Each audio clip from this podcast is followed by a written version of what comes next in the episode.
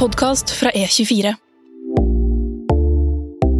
Det å lede et selskap føles som å snuble oppover. Det føles det eneste jeg gjør, er å rette opp i feil. Fikse problemer. Men hvis man bare aldri stopper med det, så ser det da tydeligvis ut som det går an å bygge verdi på den måten, da. Ukens gjest eh, begynte å interessere seg for kryptovaluta lenge før bitcoin ble mainstream. Han skrev eh, masteroppgave om emnet, og ble kanskje Norges første kryptoekspert. Velkommen til Voksenpoeng med meg, journalist Nora Rydne i E24. Og velkommen i studio, administrerende direktør i finansplattformen Arcane Krypto, Torbjørn Bull Jensen. Hei, hyggelig å være her. Er du klar for tre kjappe voksenpoengspørsmål? Ja. Hva er det beste du har gjort for eh, karrieren, Torbjørn? Det er å følge min interesse. eh, Og på en måte eh, Man kan måte navigere på to måter. Man kan enten se seg ut en topp og tenke 'dit skal jeg', og planlegge hvordan kommer jeg opp dit. Eller så kan man se mye kortere i landskapet, og så kommer du til et veiskille, og så ser du hvilken vei ser spennende ut av disse to. Og som type er jeg nok mye mer av den siste. At jeg har aldri blinket meg ut liksom, den toppen skal jeg til. Eh, Men jeg har på en måte hele tiden valgt de vei, veiene og de retningene som jeg finner spennende og interessante, og grepet de mulighetene som dukker opp underveis på reisen. Da. Og så får jeg se hvor det ender opp. Hva er det beste du har investert penger i? Eh, Det er vel fort eh, bitcoin hva gjelder prosentavkastning. Eh, Det triste er jo at når det gjelder beløpsavkastning, så er det bolig. Og det burde jo ikke være sånn at bolig er det beste man kan investere i, fordi det skal jo helst være noe man gjør for å bo i. Eh, Men slik økonomien er nå, så er det jo det å ha penger i bolig vært utrolig lukrativt. da. Hva er det verste du har investert eh, penger i? Ja, Det er jo også bitcoin. altså, samlet så har jeg gått i pluss, men jeg har jo gått på noen ordentlige brølere også på investering. Og hatt en belånt posisjon som gikk rett i vasken. og Gjort en del eh, feil eh, opp igjennom. Og eh, på å si det verste er vel at jeg ikke investerte mer da jeg hørte om det. Jeg hørte om det jo, altså, Første gang jeg bet meg merke i kursen, så var det 60 dollar per bitcoin. Og jeg avfeide det liksom investeringscaset totalt. Det er jo kanskje på å si det bitreste, da. Ja, man skulle jo tro egentlig at du var kryptomilliardær. Ja, og jeg burde jo på en måte vært det, for jeg har jo hatt tro på dette her i veldig lang tid. Altså jeg mm, begynte jo å oppdage dette særlig ordentlig i 2013 og skrev masteroppgaven gjennom 2013 og 2014. Men ja, altså jeg gjorde det På en måte så kan jeg ikke si at det er en feil, for det som er bakgrunnen for at jeg har havnet i den jobben her, men jeg investerte jo da humankapital. altså jeg prøvde å lære meg om dette her. Eh, Det tok meg veldig lang tid før jeg skjønte det finansielle investeringscaset. De bitcoinene jeg kjøpte tilbake da, var noe jeg kjøpte for å få den førstehåndserfaringen med å bruke det. Så jeg nådde Jeg kjøpte sånn cirka på den toppen som var eh, i 2013. Rundt 700 dollar per bitcoin, som hadde vært et veldig bra inngangspunkt nå. Eh, Men kursen stupte jo igjen. Det var én børs som sto for 70% av verdenshandelen. Den het eh. Gox og ble hacket. Kursen falt ned igjen til 200 dollar. eh, Og mens kursen lå på 200 dollar, så fartet jeg rundt i Øst-Europa og kjøpte øl og mat og overnattinger og betalte med bitcoin. Så det som var igjen av bitcoin-beholdningen min Ja. når kursen begynte å stige igjen, var ganske begrenset. Og det var egentlig først i 2017 jeg begynte å systematisk spare eh, i bitcoin, da. Du skulle mest bare teste om det kunne brukes til noe. Ja, eh, og, og jeg har veldig mange gode minner fra det. Altså det, det har liksom vært en sånn gøy greie når jeg reiser. eh, For det er alltid en eller annen bar eller kafé, eller mange, hvor du kan betale med bitcoin. Eh, Så da har jeg på en måte sånn Når du er i en ny by, så er det alltid sånn ok, hvor er det du skal gå ut og spise, eller hvor skal du gå ut og drikke? Og så eh, kanskje går man på TripAdvisor, finner et råd eller sånn. Men jeg går da på CoinMap, og så ser jeg hvor er det kuleste bitcoin-stedet. Eh, Og mange ganger så møter man på veldig interessante folk, da. Som man får høre om hvorfor denne bareieren har bestemt seg for dette, eller man møter på stakkars ansatte med sjefen ikke til stede, og som ikke engang visste hva bitcoin var. Så det har blitt mange gode historier av det, da. Jeg regner jo med at du ikke hadde sett for deg at krypto skulle bli karrieren din sånn helt fra barns ben. Så hva ville du egentlig bli da du var eh, ung? Jeg ville bli advokat. Ja, Eh, Og grunnen til det var at jeg alltid har elsket å kverulere og diskutere. ja det overrasker jo ikke. at du Eh, eh, Min mor syntes alltid det var litt frustrerende og kalte meg prinsipielt uenig. Eh, Men min bestemor ja. fra jeg var veldig liten sa ah, du kan bli en fantastisk advokat. Jeg visste ikke helt hva advokater var, men jeg skjønte at det var et yrke hvor jeg kunne tjene penger på å kverulere. Så det tenkte jeg, det eh, ville treffe meg perfekt. Ellers så var jeg også alltid veldig sånn eh, litt sånn kommersielt businessanlagt fra jeg var ganske liten. Eh, I kantinen på skolen så var det ofte folk glemte å ha med penger, og så man måtte jo kjøpe yoghurt og sånt.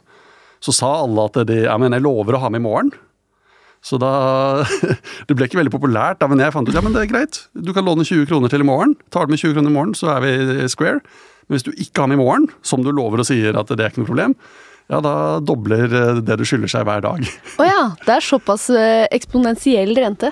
Ja, eh, eller det blir 20 kroner ekstra hver dag etter Ja, det. da. Men, men, jeg, men jeg passet alle på å gi dem liksom det vinduet hvor det var rentefritt, da. Så jeg fikk dem ut. Neida, så det, det var ikke alltid like populært, da. Men uh, om det var å samle panteflasker eller uh, uh, på å si Da jeg ble 18, så arvet jeg litt grann penger, ikke noe stort beløp. men liksom bestemte meg for å investere det i aksjemarkedet, og traff egentlig ganske tilfeldig, veldig tilfeldig, da. Men jeg var 18 eller 19, men altså jeg traff jeg ganske godt på bunnen i finanskrisen, så det var en veldig gøy start på investering, personlig investeringskarriere, selv om det bare var flaks. Eh, så at jeg på en måte har endt opp som en selvstendig, ikke selvstendig næringsdrivende, men altså som en gründer, på en måte, er jo kanskje ikke Jeg tror det er mange som ikke vil, bli- som kjenner som ikke ville blitt så overrasket, i hvert fall. Nei, nei, det er en kremmersjel og en kverulantsjel. Eh, hvis du legger de sammen, Ja, så vet man jo i dag at sånn perfekt i kryptomiljø. Ja. det er mye kverulanter med kremmerinteresse i krypto, det er det ingen tvil om. Tenk, du kunne blitt eh, Du kunne endt i forbrukslånbank. Og krevde inn Ja, men jeg er litt sånn usikker, fordi altså, jeg startet jo ut da med forbrukslån til eh, mine medelever. Men jeg tror nok det som har vært hoveddriveren, har vært å løse problemet mer effektivt. Og det merket jeg ekstremt i min forrige jobb, da jeg jobbet i et eh, konsulentselskap som heter Menon Economics. Eh, og de hadde jo vokst mye, var blitt mange flere ansatte, og da er det alltid sånn at du har noen systemer som knaker litt. Den Dropbox-strukturen kanskje ikke er helt ideell lenger, det finnes mer effektive verktøy.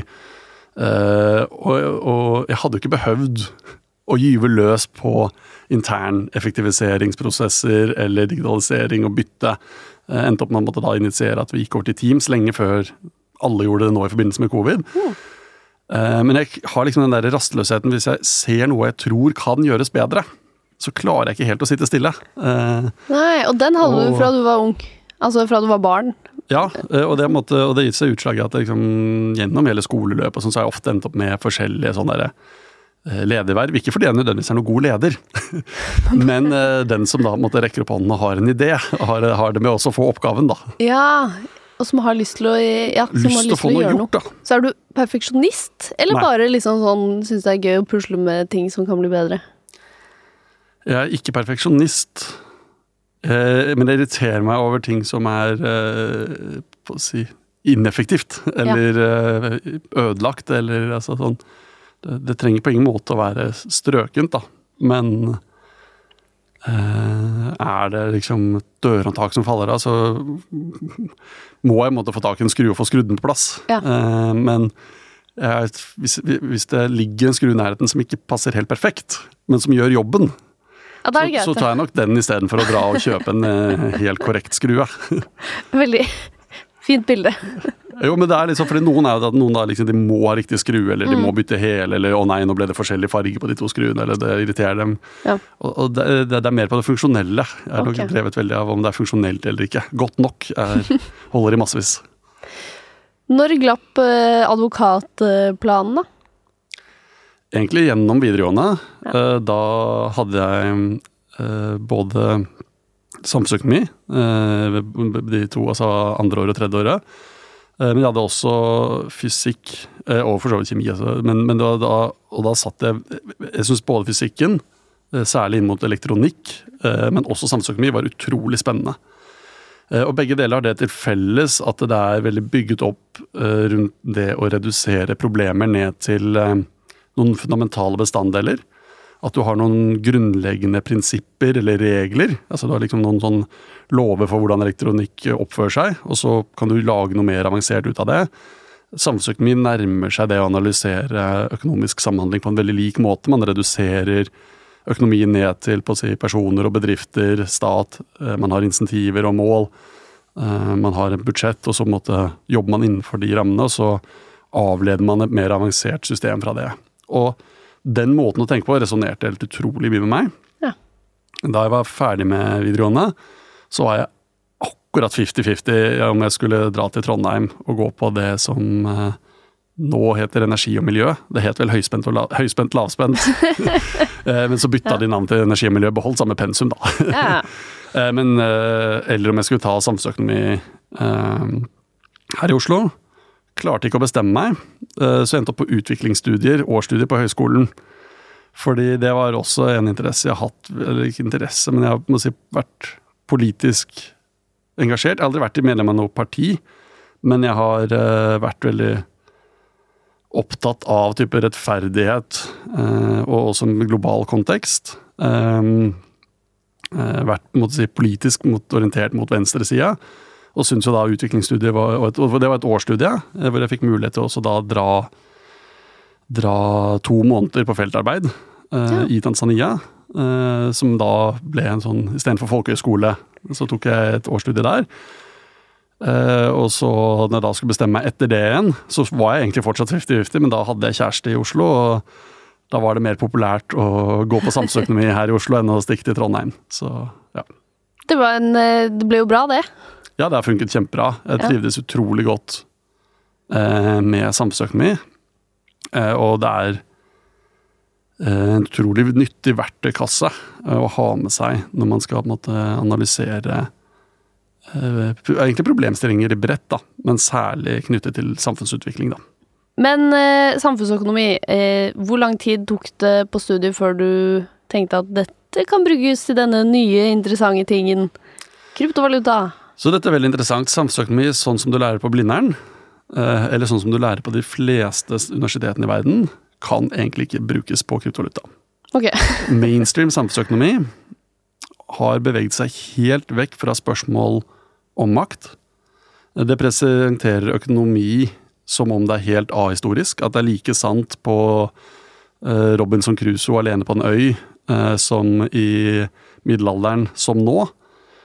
Eh, man har beveget seg bort fra den historiske konteksten som veldig mange tidligere økonomer var veldig opptatt av.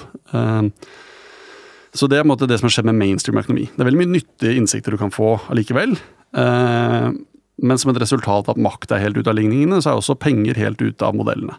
Det er ingen mainstream samfunnsøkonomimodeller som har penger med. Du har en rente, som er litt som en sånn volumknapp på hvor mye aktivitet det skal være i økonomien. Man ser på penger litt som olje i maskineriet, du skal ha riktig mengde. Eh, men penger blir ikke sett på som noe spennende analyseobjekt eh, i seg selv.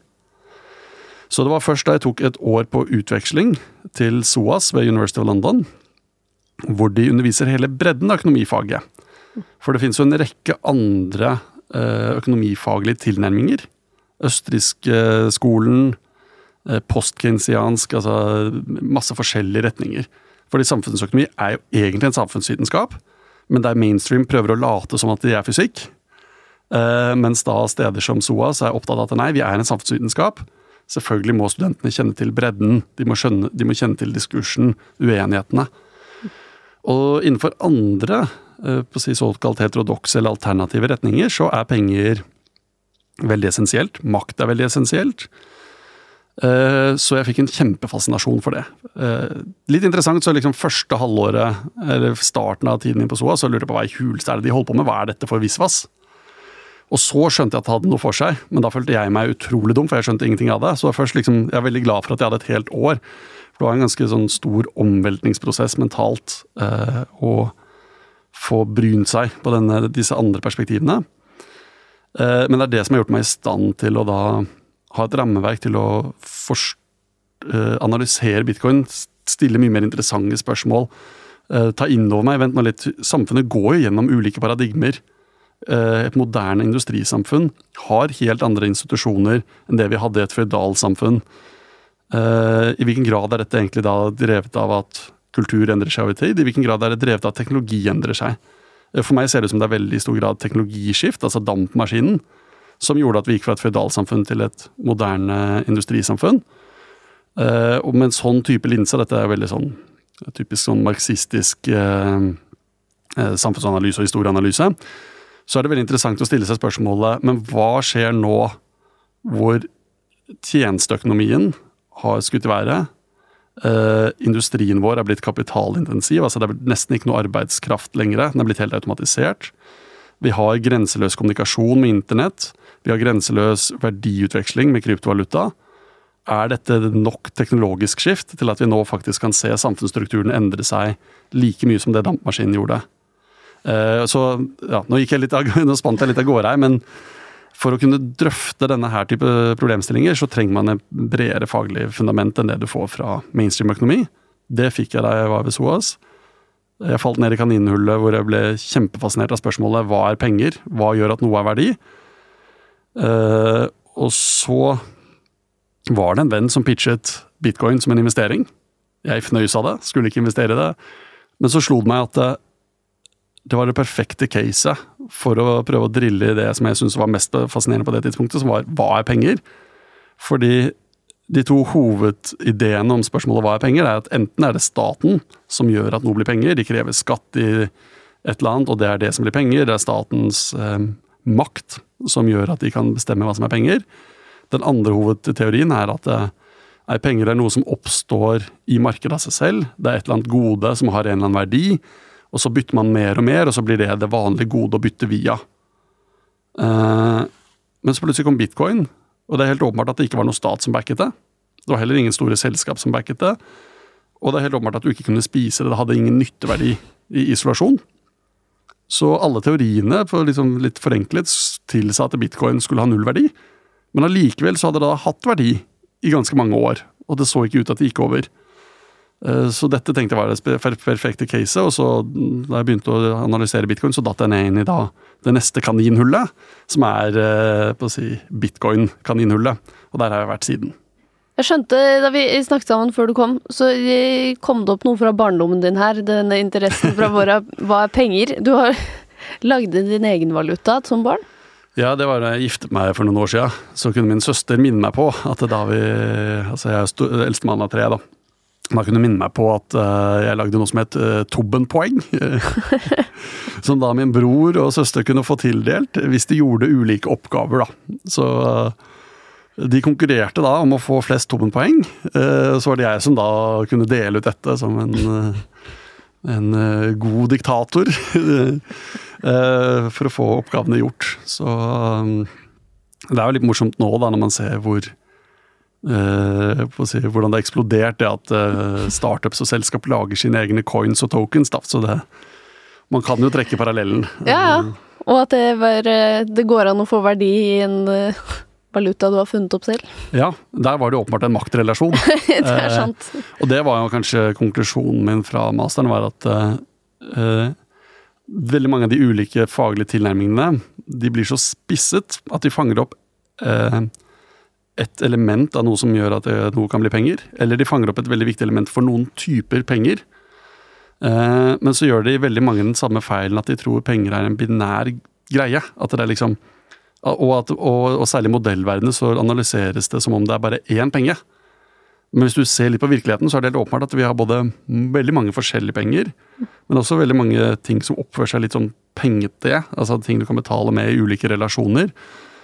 Uh, og egentlig det som fikk meg til å da stille spørsmålet og begynne å analysere bitcoin fra perspektivet i hvilke situasjoner kan bitcoin som penge løse problemer som de andre pengene vi har, ikke kan løse. da.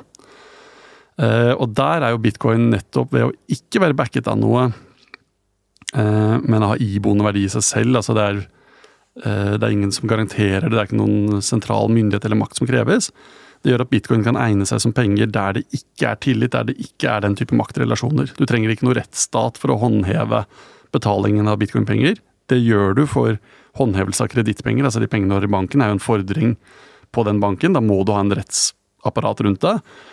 Eh, Tobben-poeng krevde en eh, storebror som kunne finne på noe krøll for å overbevise om sirkulasjon. Eh, og det er jo det som er litt sånn spennende, at man ser jo med alle disse nye token- og kryptovalutaene, så er det veldig mange som klumper dem sammen og tror at det er én og samme greie.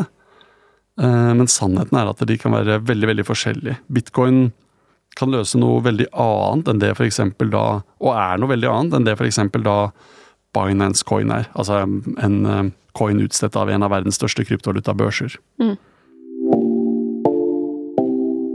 Da du kom inn i dette kryptomiljøet, hvordan var det i liksom 2012-2013 eh, versus nå? Så det var jo veldig mye mindre eh, oppmerksomhet. Det var, det var fort, selv da så var det veldig spredt. Og det var ikke liksom ett miljø i Norge som var, liksom, var kryptomiljøet. Men det var litt folk rundt omkring. Så for eksempel, jeg kjøpte mine første bitcoin av en som heter Sturle Sunde. Eh, jeg ante ikke hvem det var på det tidspunktet.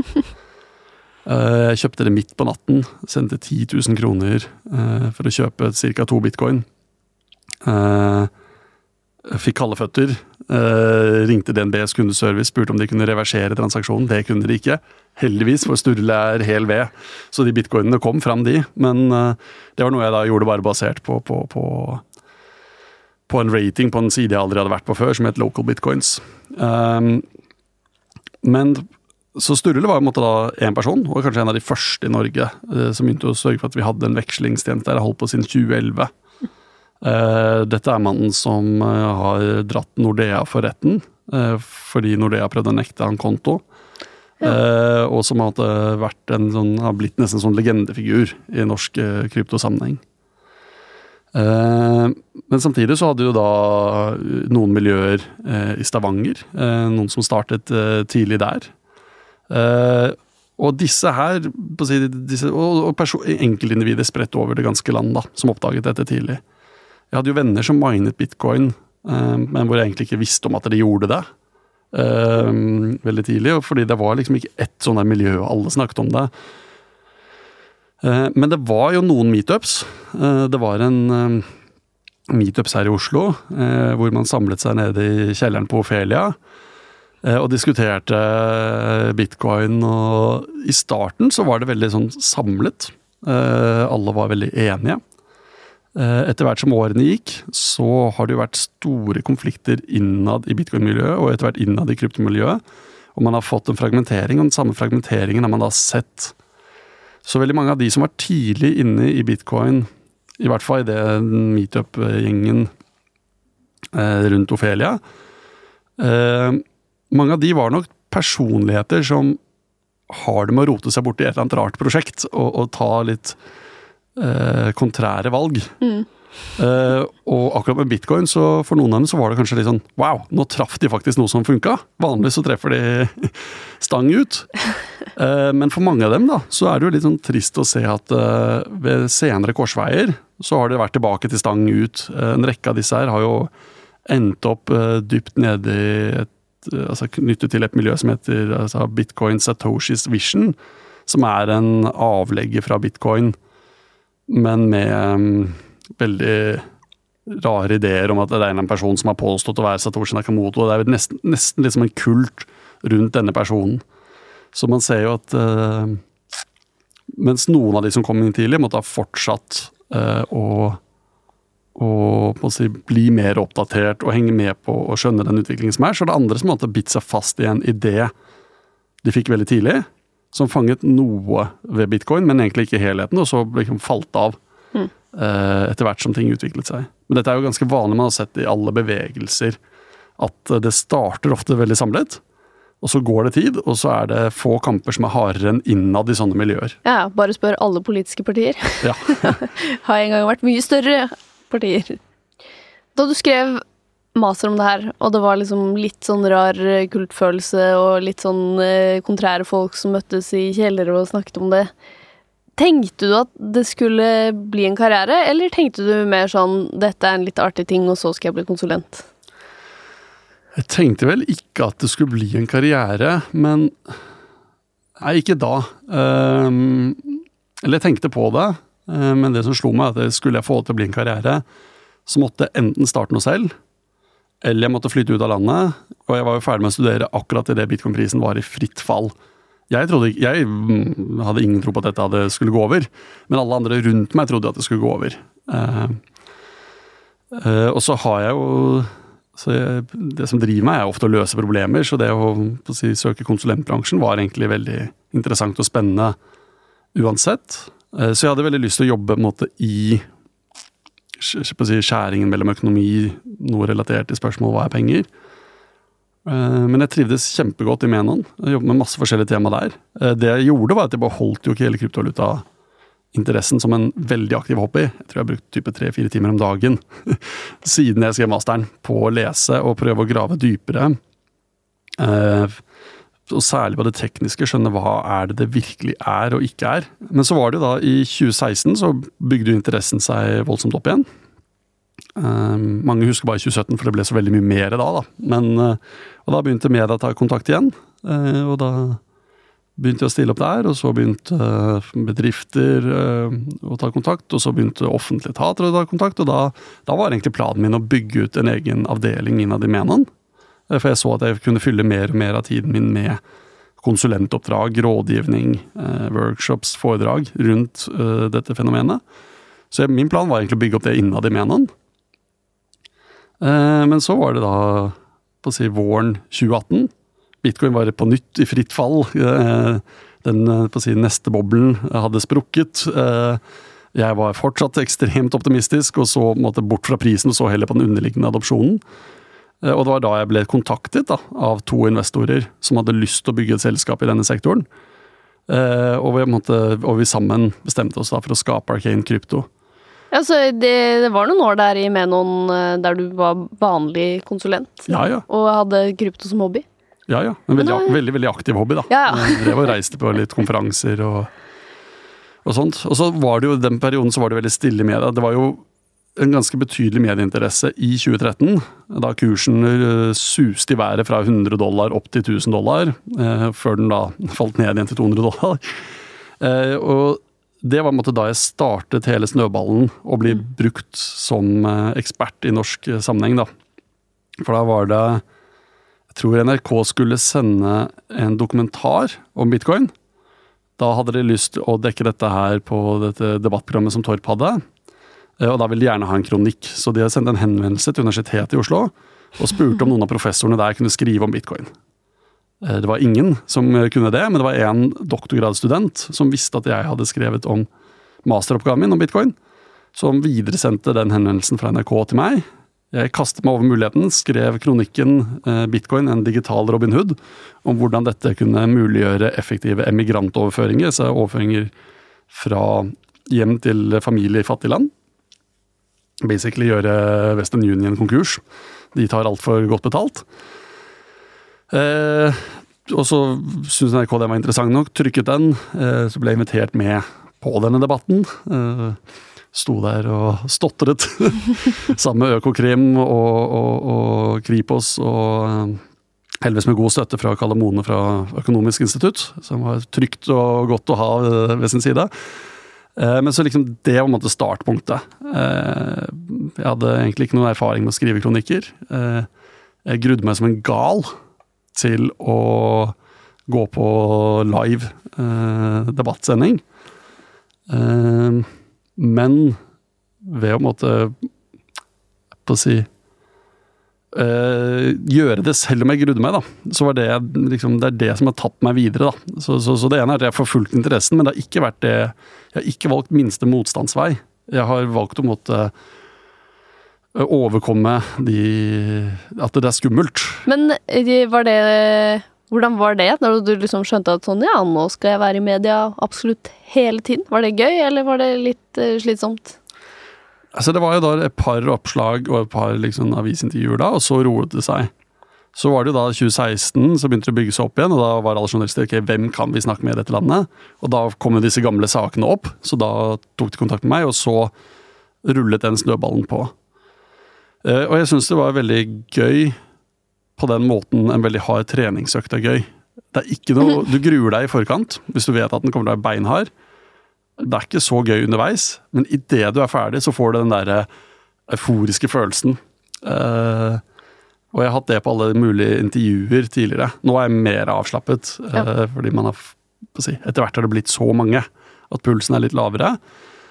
Uh, men jeg fikk alltid utrolig vondt i underarmene før jeg skulle på scenen og holde foredrag. Uh, alltid utrolig stresset. Kvalm, uggen, svimmel. Eh, så har alltid vært sånn når jeg har vært på scenen, så går jeg inn i en sånn sone. Jeg får jo ofte blackout etterpå, jeg husker ikke heller hvordan det gikk. Men rett etterpå så er liksom den der forløsende følelsen av å liksom ha gjort en beinhard treningsøkt litt tilsvarende. da. Ja. Men eh, da du fikk denne henvendelsen, altså du var jo fornøyd i Menon, holdt ja. på litt med dette på siden og var eh, kryptoekspert i eh, spaltene. Og så Hvem var det som spurte deg om å starte Arcane? Så det er jo to norske investorer, eh, Kjetil Skorstad og Christian Lundqvist. Jeg ble vel kontaktet først av et par av de som jobber sammen med dem, da. En som heter Jonathan Rakne, som hadde kjempeinteresse for, for kryptovaluta, som er styreleder i Arcane nå, og investeringsdirektøren for for Christian Lundqvist. Og de snakket om at de, liksom, de, ønsket, de ønsket å bygge en tilstedeværelse. De var ikke kryptoeksperter, men de så at det her var noe, det var noe større som foregikk. Det var så mange skarpe hoder som tok dette seriøst. Eh, og markedet hadde kommet kraftig ned igjen, den euforien og frådingen du hadde sett i slutten av 2017. Eh, hadde roet seg, og de tenkte at de, de, tro, de, trodde på den langsiktige At her er det noe stort som kommer, dette er en megatrend.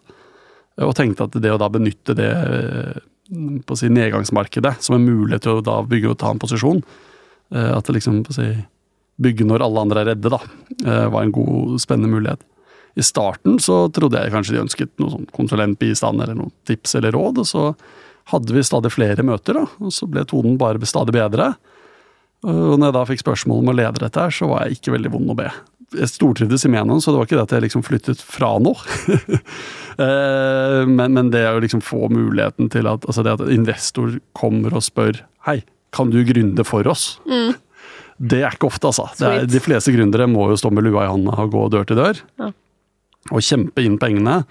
Det er ikke det at jeg liksom har fått en svær pengesekk uten videre. Jeg har måttet pitche hvorfor jeg skal få mer enn bare neste måneds lønn. Hvorfor jeg skal kunne ansette flere, hvorfor vi skal gjøre en investering.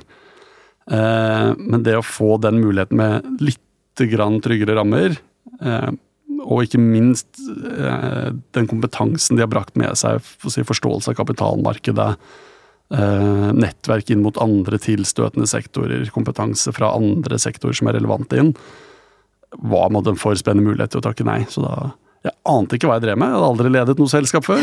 Men jeg måtte bare gripe den sjansen og hoppe i det. Vi har en spalte her i Voksepoeng. Tabbespalta. Ja. Hva er den største tabben du har gjort i karrieren? Det er det som er så vanskelig når man er litt sånn uh, opportunistisk og flink til å rettferdiggjøre etterpå. For jeg, jeg, jeg er veldig sånn noen er veldig sånn at de går gjennom livet og så, jeg gjorde feil der og der og der, og der mens jeg er veldig sånn eh, veldig flink til å mentalt for meg selv eh, forklare hvorfor det var riktig valg. da. Så det er vanskelig å si på en måte sånn én stor tabbe. Eh, det er mange ting jeg ville gjort på å si annerledes. Altså, jeg hadde sikkert sikret meg enda større eierandel i selskapet på et tidligere tidspunkt hvor måte, Eh, mens verdiene av selskapet var lavere, sånn at man hadde hatt enda større eksponering mot oppsiden. Men samtidig kan jeg ikke klage det, så det har jo vært et eventyr uh, hva gjelder på en måte avkastning enn så lenge. Jeg har ingen planer om å selge, så det er jo ikke noe som hjelper på bankkontoen. Men, det, men, men liksom det kunne vært en tabbe. Uh, og det er noe som er lurt å tenke på når man er en, hvis man skal inn som gründer. da. Det er um, å sikre seg uh, godt eierskap og tenke gjennom scenarioer der dette virkelig flyr, sånn at man ikke angrer da. Jeg angrer ikke, men man, man kunne alltid hatt mer. Uh, ellers så er det jo masse feil jeg har gjort uh, så langt i Arcane. Altså, det å lede et selskap føles som å snuble oppover.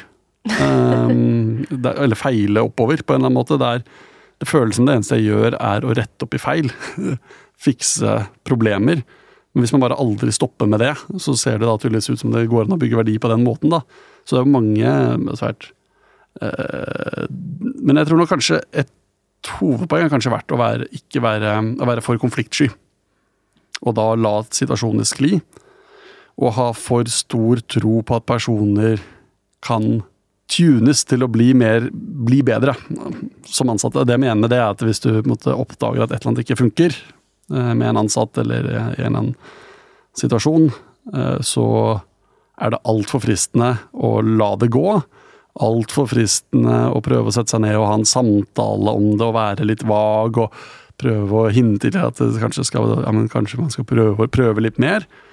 Og ikke liksom være mann nok til å faktisk ta tak i det og skjønne at ja, men her må man kutte av, da. Så det er nok en si, Mange opplever jo dette er typiske forhold som varer for lenge når de burde vært slutt. Eh, så Det er ikke én konkret feil, men det har vært en sånn svakhet jeg har sett ved meg selv, som jeg da jobber med. Jeg ønsker fortsatt å være en raus og trivelig person, men samtidig så er det selskap vi bygger. Det er en business, ikke en fritidsklubb, da. Ja.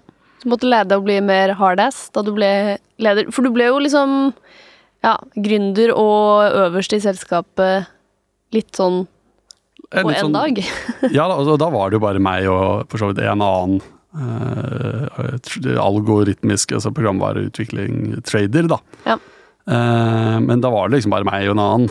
Uh, og så har det jo da gått tre år. Jeg har hatt en pappapermisjon inni der, så og så plutselig er man type team på 15 personer. Eh, eierskap i flere andre selskaper hvor vi er største eier utover de andre gründerne.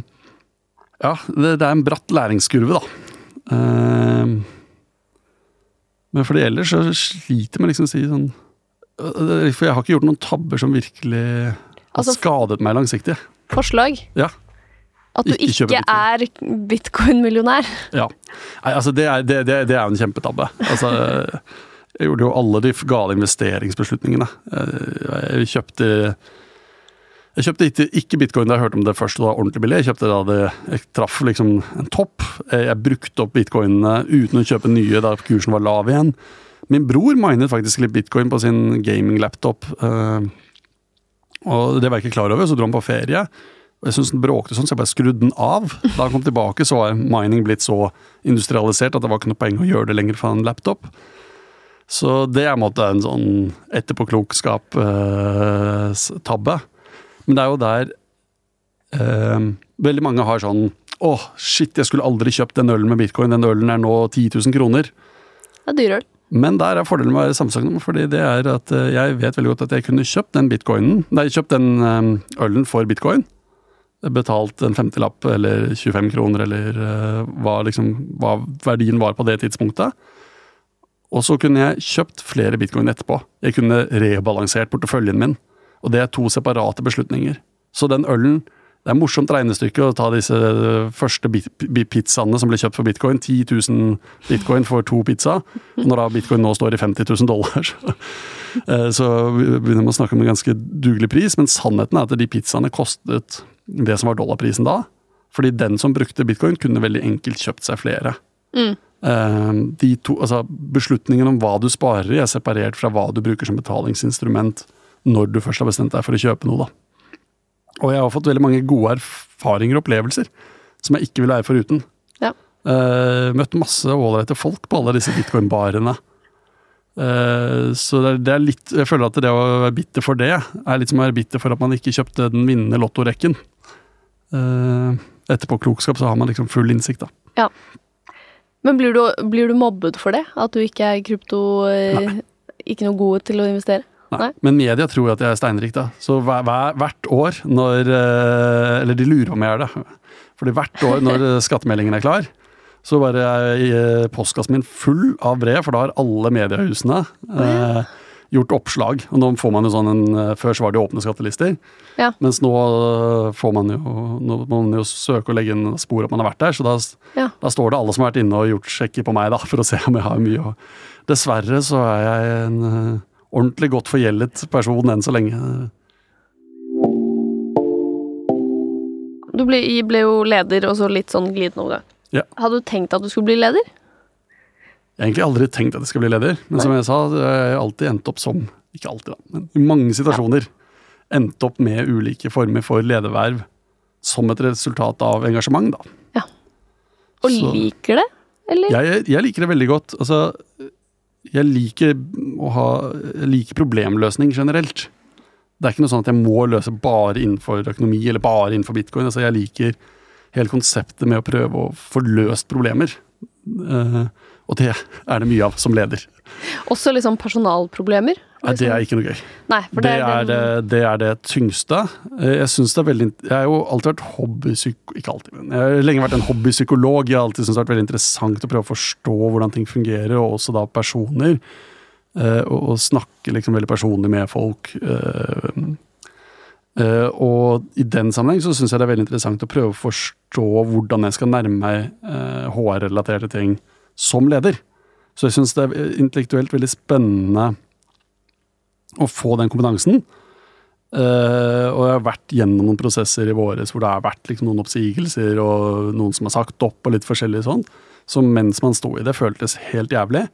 Men litt som denne treningseffekten. Altså når du kommer ut av det, så er det sånn du har gått gjennom en situasjon du, du ikke klarte å se enden av, da. Du ante ikke hvordan dette kommer til å ende. Men du bare sto opp hver dag og så bare jobbet du beinhardt for å i hvert fall komme videre. Og så plutselig så, så du lyset i enden av tunnelen, og så plutselig var du ute av tunnelen. Den følelsen, den mestringsfølelsen det gir, den eh, tryggheten det gir inn i neste prosess, da, den er utrolig deilig å ha med seg. Den erfaringen da, eh, som bygges over tid. Så har blitt en god leder? Det vet jeg ikke. Det, jeg, jeg har nok mye Jeg, er fortsatt veldig ung eh, og ikke vært leder så veldig lenge. Og jeg har jo vært i bare én kontekst, så jeg har nok veldig mye igjen å lære. Læringskurven føles fortsatt eh, loddrett. Men det er spennende, i hvert fall. Helt til slutt, eh, Torbjørn. Hvis du kunne gitt 20 år gamle deg selv et råd, hva ville det vært? Gjør akkurat det du holder på med. Det kommer til å gå bra. Eh, det løser seg. Tusen takk for at du kom hit i dag, eh, Torbjørn Bull Jensen, altså administrerende direktør i Arcane Krypto. Takk for at jeg fikk komme. Produsent i dag det var Sunniva Glessing, og hvis du vil f.eks. lese skoledagboka til Torbjørn, så må du gå og følge oss på Instagram. Der heter vi Voksenpoeng med Nora.